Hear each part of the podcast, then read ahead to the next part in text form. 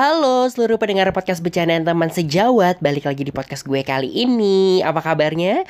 Pasti kabarnya baik-baik aja. Nah sebelum gue melanjutkan podcast gue Dan bercerita lebih lanjut uh, Tentang podcast gue hari ini Gue mau mengingatkan nih sama kalian Buat kalian yang masih moralis Terus juga belum cukup umur Lebih baik kalian gak usah dengerin podcast gue. Karena uh, kadang tuh uh, Tema yang gue angkat itu agak sedikit kontroversial gitu. Jadi kalau kalian belum siap mendingan di skip aja seperti itu. Nah, mungkin kalau misalkan kalian sudah mendengarkan dan sering mendengarkan podcast gue, kemarin tuh gue udah sempat bikin podcast barengan sama uh, beberapa teman-teman gue gitu kan. Gue punya teman ngobrol di podcast gue gitu. Nah, kali ini sendirian. Nah, bukan cuma bukan bukan bukan karena memang gak ada lagi gitu, karena memang kebetulan uh, lagi belum waktunya sebenarnya gue bikin podcast, tapi gue lagi pengen banget bercerita sama kalian tadi gitu kan. Nah jadi ditungguin aja karena nanti pasti bakal banyak banget orang-orang lain yang uh, lebih seru yang gue ajak ngobrol gitu kan dan juga masih banyak orang juga yang uh, akan bercerita juga uh, sama kalian gitu. Nah ini masih sendirian gak apa-apa. Jadi gini, kenapa gue mau bercerita sama kalian? Ini berawal dari tadi sebenarnya kayak sepele sih gue lagi nyetir uh, balik balik ke rumah gitu dari kantor di tengah kemacetan gue langsung kayak yang uh, aduh kayaknya gue pengen nge-podcast nih ada satu cerita yang uh, pengen gue ceritain sama kalian gitu ya. Di mana kayaknya cerita ini tuh pernah gue alami dan eh maksudnya gue pernah ada uh, di posisi itu atau gue pernah mengalami hal itu juga gitu kan. Dan menurut gue mungkin ini bisa jadi satu uh, apa ya satu cerita yang uh, bisa gue share ke kalian gitu kan. Nah tapi sebelumnya lagi mohon maaf kalau misalkan suaranya agak sedikit bindeng karena memang ini kan lagi musim pancaroba gitu ya. Jadi kayaknya uh, banyak banget yang lagi uh, terkena flu dan salah satunya adalah gue. Jadi kayak mohon maaf banget kalau misalkan suaranya agak sedikit bindeng ya. Nah oke okay, kita langsung lanjut ke ceritanya aja deh. Jadi gini ceritanya itu berawal uh, dari tahun berapa ya? Sekitar 2012 2011 or 2012 pokoknya di antara tahun itu gue agak lupa. Yang di mana uh, dulu tuh gue masih kuliah berarti. Ya gue masih kuliah. Terus uh, masih bandel lah gitu kan masih bandel. Terus juga kemudian masih ngekos gitu. Nah jadi dulu tuh uh, gue ngekos di salah satu kos kosan kos kosannya itu bentuknya rumah sebenarnya kayak rumah kosong yang uh, apa ya uh, dijadiin kos-kosan lah gitu kan. Nah, jadi kamarnya itu uh, cuma beberapa dan kayak ada sebagian kamar yang uh, bekas kamar dijadiin uh, eh, uh, kamar kos gitu ada sebagian yang kayak dijebol terus dikasih uh, triplek atau eh bukan triplek apa sih pokoknya tembok lah pembatas untuk akhirnya jadi uh, kos-kosan gitu kan jadi kamar gitu. Nah jadi ada satu kamar yaitu luas banget kamarnya. Uh, jadi di, luas banget kamarnya terus kemudian uh, kamar mandi di dalam. Pokoknya kayak dari rumah itu tuh yang paling eksklusif itu uh, kamar yang itulah gitu kan. Dan itu gue tempatin berdua barengan sama sahabat gue. Uh, jadi gue ngekos di sana barengan sama sahabat gue nggak lama kosan itu tuh kayak mulai rame lah dengan penghuni-penghuni baru. Nah kosan ini ada dua lantai lantai atas dan lantai bawah yang di mana kayak lantai atas itu cuma ada berapa kamar ya? Satu dua tiga empat lima enam. Ada enam kamar di atas gitu kan. Terus uh, di bawah juga kayaknya cuma ada empat kamar termasuk sama kamar penjaga. Dan kayak gue paling agak males kalau ke bawah gitu. Ya biasa ya kalau misalnya penjaga penjaga kosan tuh kadang-kadang suka rese gitu dan sebagainya. Nah uh, kosan gue tuh termasuk kosan yang cukup bebas. Bukan cukup bebas emang bebasnya luar biasa. Bebas banget sebebas bebasnya banget gitu kan. Ya jadi kemudian setelah itu uh, udah mulai banyak orang-orang yang uh, tidak bisa disaring untuk masuk ke dalam kosan itu gitu kan. Kayak siapa aja lo yang bisa bayar kosan itu ya lo ngekos aja di situ gitu kan. Terus uh, kemudian ada ada orang yang baru masuk gue pikir itu kayak anak-anak cowok lah bertiga gitu kan.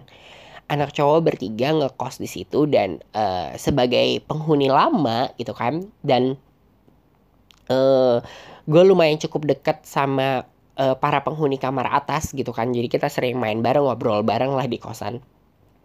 Akhirnya kita ngobrol lah sama si uh, tiga orang laki-laki ini gitu kan. Ternyata uh, si tiga orang laki-laki ini tuh yang nggak kos tuh cuma satu orang. Jadi dua orang lagi nih temennya kayak cuma balik eh cuma sering main lah ke sana kayak gitu. Beberapa minggu setelah itu gue gue selalu melihat sosok seorang perempuan yang apa ya masih kecil lah gitu. Kalau misalkan gue bisa uh, gambarkan secara uh, apa ya uh, secara omongan di sini gitu kan gue gambarin kayak tidak terlalu tinggi uh, berkulit coklat dan punya darah Arab. Berarti kan kayak hidungnya mancung matanya besar gitu kan dan ya sekitar umur 16 sampai 17 tahun lah gitu kan. Terus uh, agak sedikit apa ya berisi ngerti kan ya berisi dari kayak pantatnya gede gitu kan kayak uh, dadanya besar gitu dan segala macam. Nah, gue udah mulai sering lihat nih di beberapa minggu ini dia tuh sering main ke sana ya namanya anak anak kos kosan kos kosan gue bebas gitu kan. Iya gue sih udah tutup mata lah ya sama urusan kayak cewek sering nginep apa segala macem gitu. Kayak ya udah bodo amat gitu. Nah terus kemudian uh, karena kita sering main terus kadang tuh kayak uh, suka ngobrol di depan gitu kan di kos-kosan sama anak-anak yang lain. Jadi uh, si perempuan ini tuh jadi akhirnya suka bergaul lah ikut ngobrol sama kita gitu. Nah ternyata akhirnya kita tahu bahwa si perempuan ini uh, tinggal di situ juga gitu kan tinggal di situ juga kemudian uh, dua bulan berlalu, tiga bulan berlalu, sampai empat bulan berlalu, akhirnya kita cukup kenal. Karena ya selama empat bulan kita sering ngobrol, kita sering ketemu, kita satu kos-kosan bareng gitu kan. Jadi ya lumayan cukup akrab lah dalam artian akrab antara sesama tetangga ya gitu. Terus kemudian hmm, setelah itu akhirnya si perempuan ini kok gue lihat selalu sendiri gitu. Biasanya kan si tiga orang laki-laki ini tuh sering banget main ke kosan itu terus setiap harinya gitu kan bahkan kadang suka nginep tidur di situ apa segala macam gitu kan kok ini sih tiga laki-laki ini tuh tidak pernah muncul gitu kan.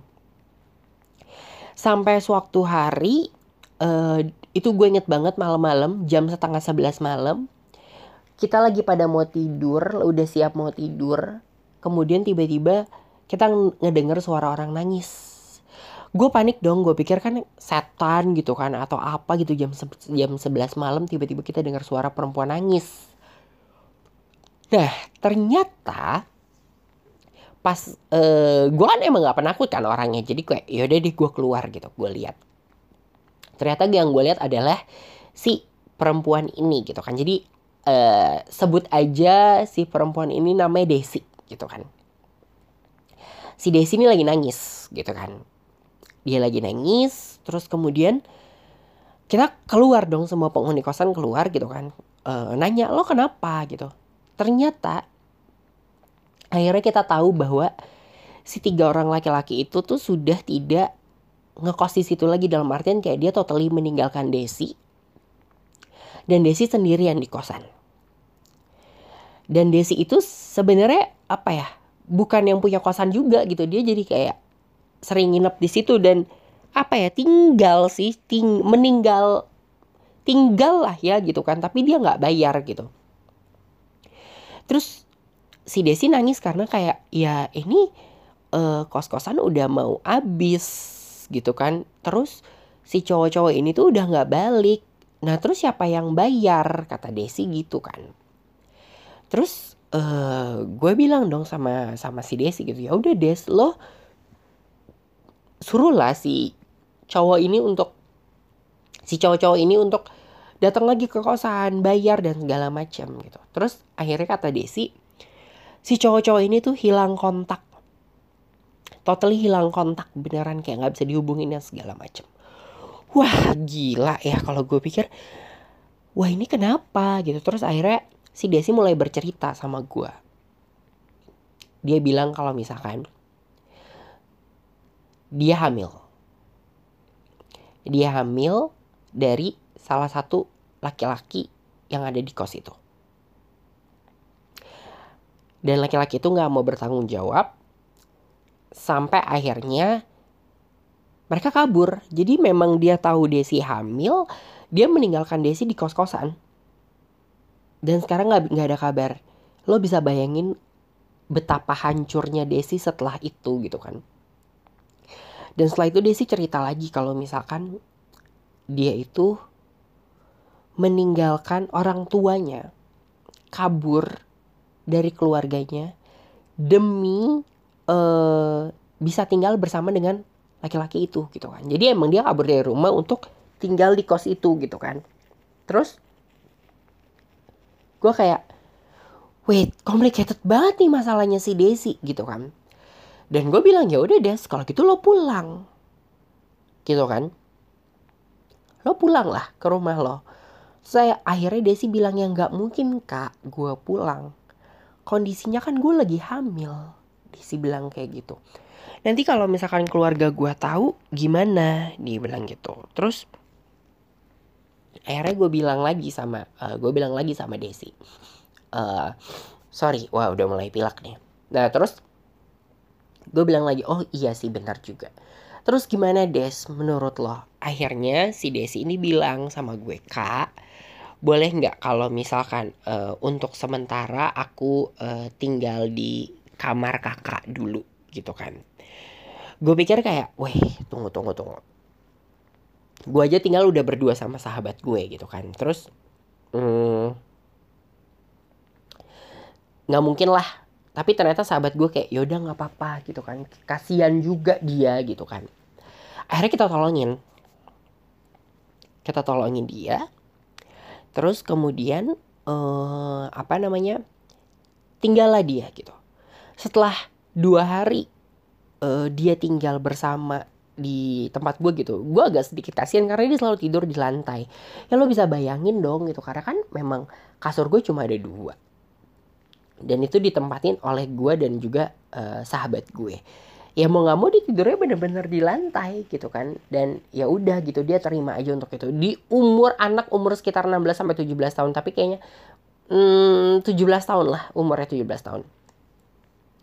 Terus kemudian akhirnya gue baru tahu lagi ternyata di umur segitu dia sudah hamil. Dan di umur segitu dia memang sudah berprofesi sebagai apa ya gue nggak bisa bilang dia cabe-cabean. Cabe sih gitu cabe-cabean. Cuma untuk kelasnya cantik karena ya lo bisa bayangin perempuan keturunan Arab dan segala macam gitu. Kalau menurut gue mungkin kayak cewek nakal aja gitu. Maksudnya yang pergaulannya agak sedikit nakal aja dan pengen bebas gitu. Sampai akhirnya terjerumus agak lebih jauh dalam hamil gitu kan. Nah tapi ya udah akhirnya dia eh uh, apa ya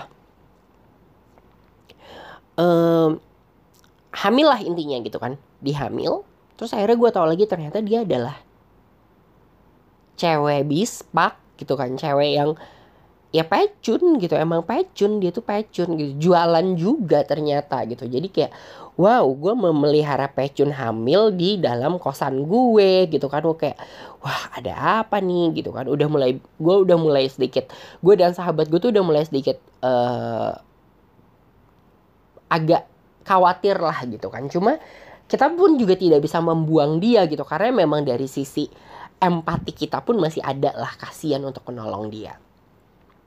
Terus waktu itu tiba-tiba dia kayak kak gue mau jual handphone dia bilang itu sama gue. Hah kenapa lo mau jual handphone?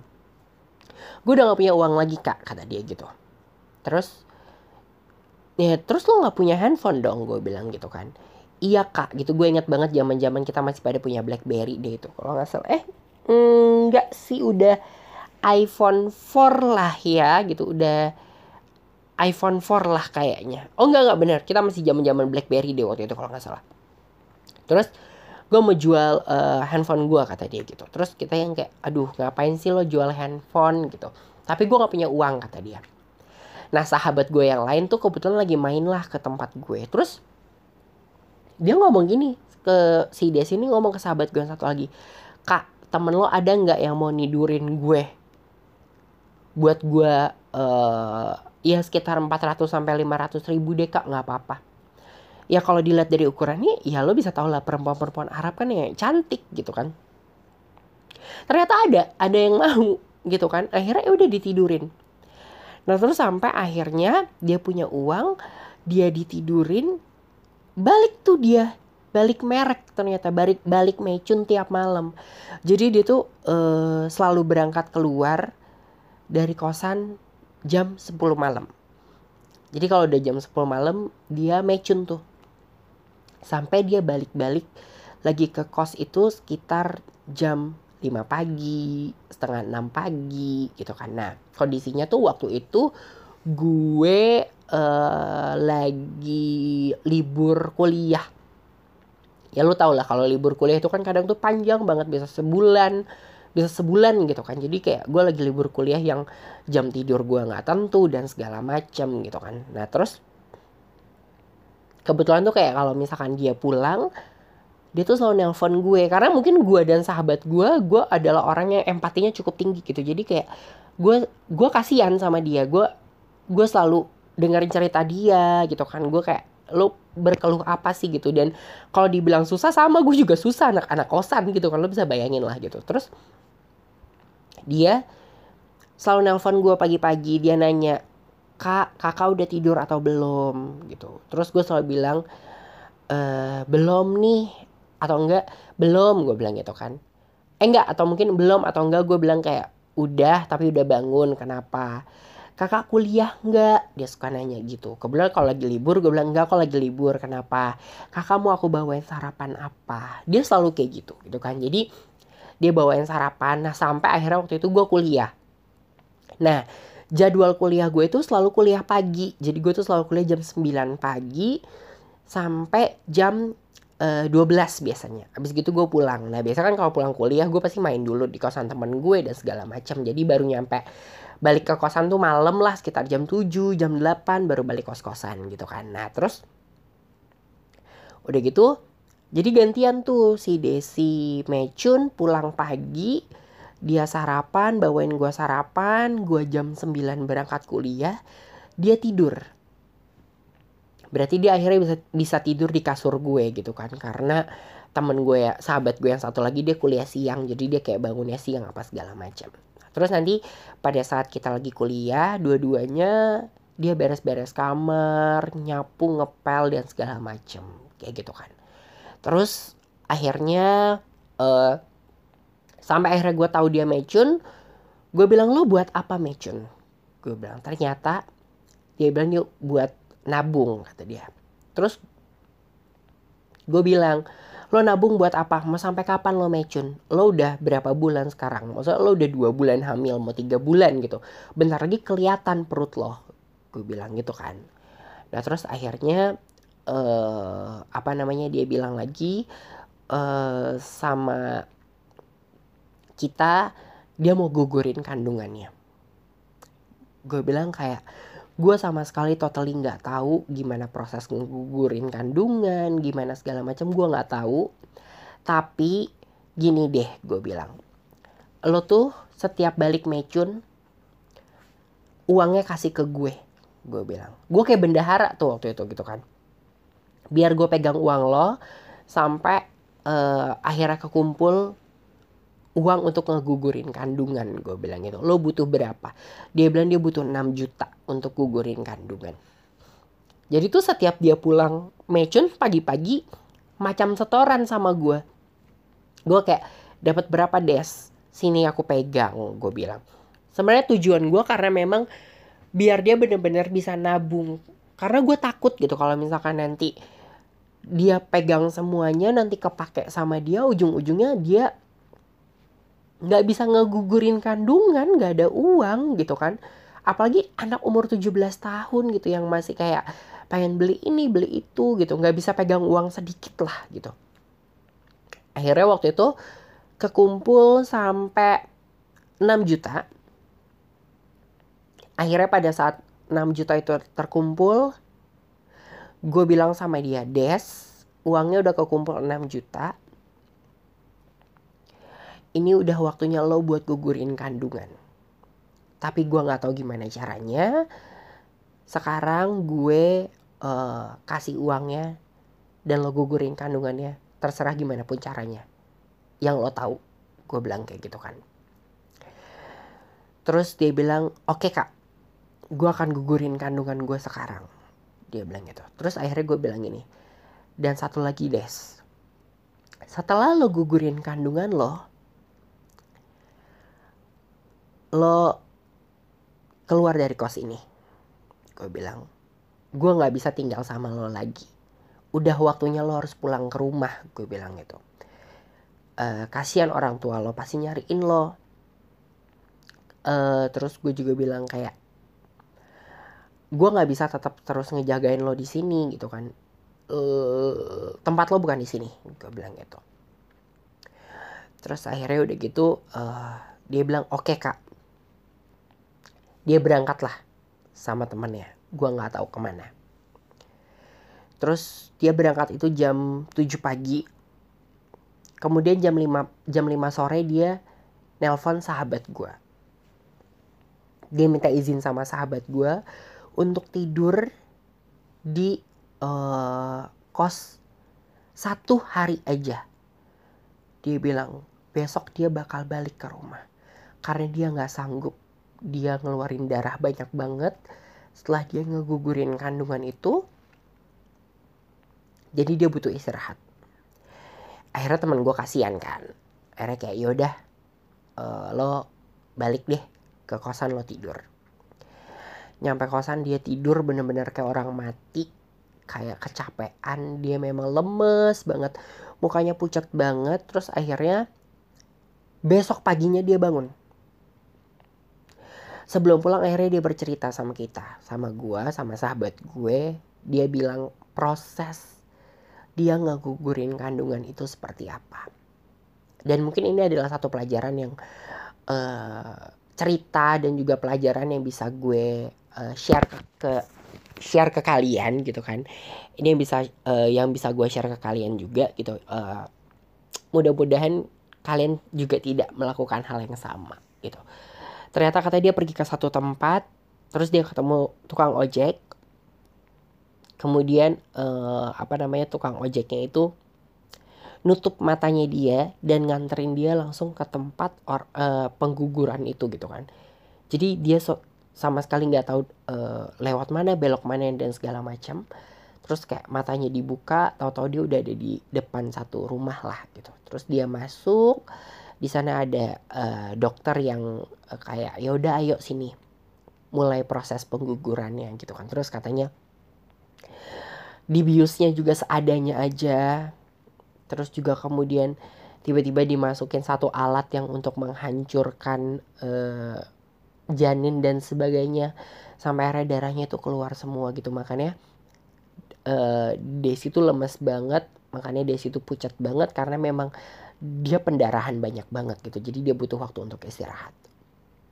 Kayak gitu sampai akhirnya uh, nangis. Gue beneran nangis gitu karena oh my god lo umur 17 tahun perempuan dan udah ada di keadaan seperti ini dan lo melakukan itu gitu. Gue sedih gitu kan sebenarnya.